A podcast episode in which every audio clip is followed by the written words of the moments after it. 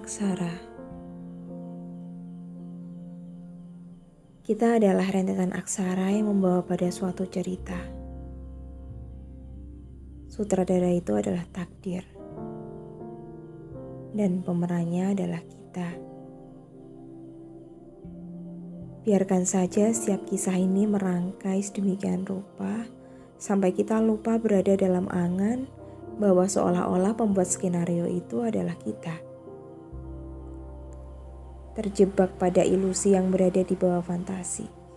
Terlena dengan keadaan yang ada, tidak mau keluar dari kenyamanan yang semu.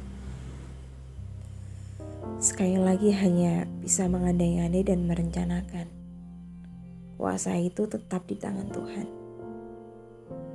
Merayu, hanya itu yang bisa diusahakan. Tidak mengapa jika memang bisa menjadi obat pereda. Cerita ini masih berlanjut saja. Masih bertegur sapa dengan aksara. Menulis ceritanya dan entah kapan berakhirnya. Bagaimana jika bersepakat untuk berdamai dengan Lara? Mungkin tak sejalan atau pembuat skenario punya rencana yang menyatukan.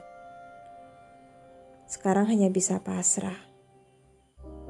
Dilanjutkan dengan kalimat ikhlas dan sabar yang menjadi penenang.